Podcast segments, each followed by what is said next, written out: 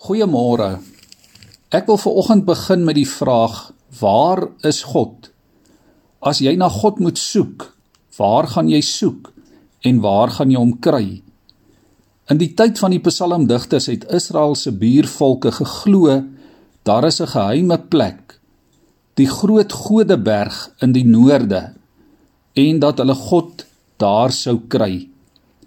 Israel het geglo God is op die Sionsberg in Jerusalem dat God op 'n spesiale manier in die tempel en by die verbondsark teenwoordig was. Daar waar die volk hulle offers kon bring. Maar die Jode het ook geglo God was meer as net in die tempel. Hy was ook groter as Sionsberg en groter as Jerusalem. Hy kan nie op een plek of in een beeld of in een gebou vasgevang word nie. Sionsberg en Jerusalem en die tempel moes die Jode herinner aan die grootheid van God.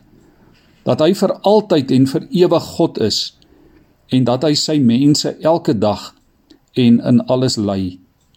Dit moes hulle herinner daaraan dat God getrou is en dat hy teenwoordig is by hulle, maar dat hy ook groter is as enige iets wat ons in ons drome kan voorstel. Ek lees vir ons vanmôre uit Psalm 48. 'n Lied, 'n Psalm van die Koragiete. Groot is die Here en besonder lofwaardig in die stad van ons God op sy heilige berg.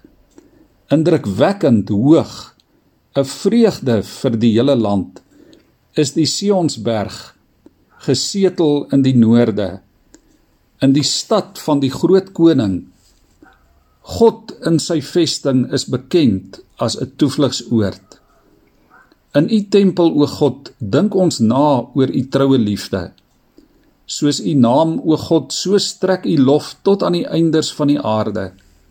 U regterhand is vol geregtigheid.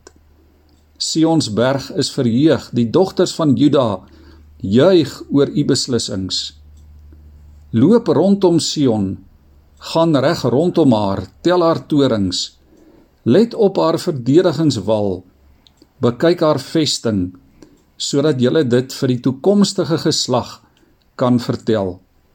Hierdie God is ons God vir altyd en ewig. Hy sal ons lei vir altyd. Wanneer ons hierdie Psalm lees en dink oor wie God is en waar God is, is dit belangrik om te weet God kan nie vasgevang word op plekke of in geboue nie. Ons omstandighede kan God nie vasvang nie. Dit kan God nie vashou of inperk nie.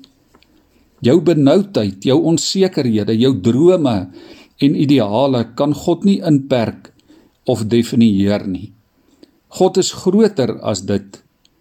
Hy is in jou omstandighede, maar hy is ook groter as jou omstandighede. Hy is by jou en saam met jou, maar hy is ook oral en ewig. En daarom kan jy en ek ook wegkyk na God toe. Wegkyk van plekke en tye en seisoene en omstandighede. Wegkyk van krisisse en ontnigterings in jou lewe. Jy kan na God toe kyk. Jy kan weet hy is daar en sy plan is vir jou, maar dis ook groter as jy. Die Bybel leer ook jy vind God nie in 'n plek nie. Jy leer hom ken in 'n persoon in Jesus Christus. God is Immanuel, die God by jou en in jou. En deur die Heilige Gees word jy self die tempel van God waarin hy woon en by wie hy teenwoordig is. Psalm 48 beskryf die stad Jerusalem waar God simbolies woon as 'n pragtige, volmaakte, onvernietigbare stad. So kan jy as gelowige in wie die Gees van God woon, vanoggend weet jy is God se volmaakte nuwe skepping. Maak nie saak wat met jou gebeur nie. Maak nie saak wat rondom jou of in jou gebeur nie. Jy dra vanmôre God se naam. God is by jou en jy is syne vir ewig. Vers 15 sê: Hierdie God is ons God vir ewig. Hy sal ons lei vir altyd. Kom ons bid vanmôre saam.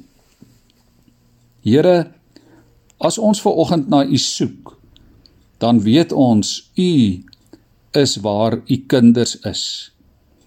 U is in Christus en deur U Gees by ons en in ons teenwoordig. Niks kan ons van u grootheid en van u goedheid skei nie.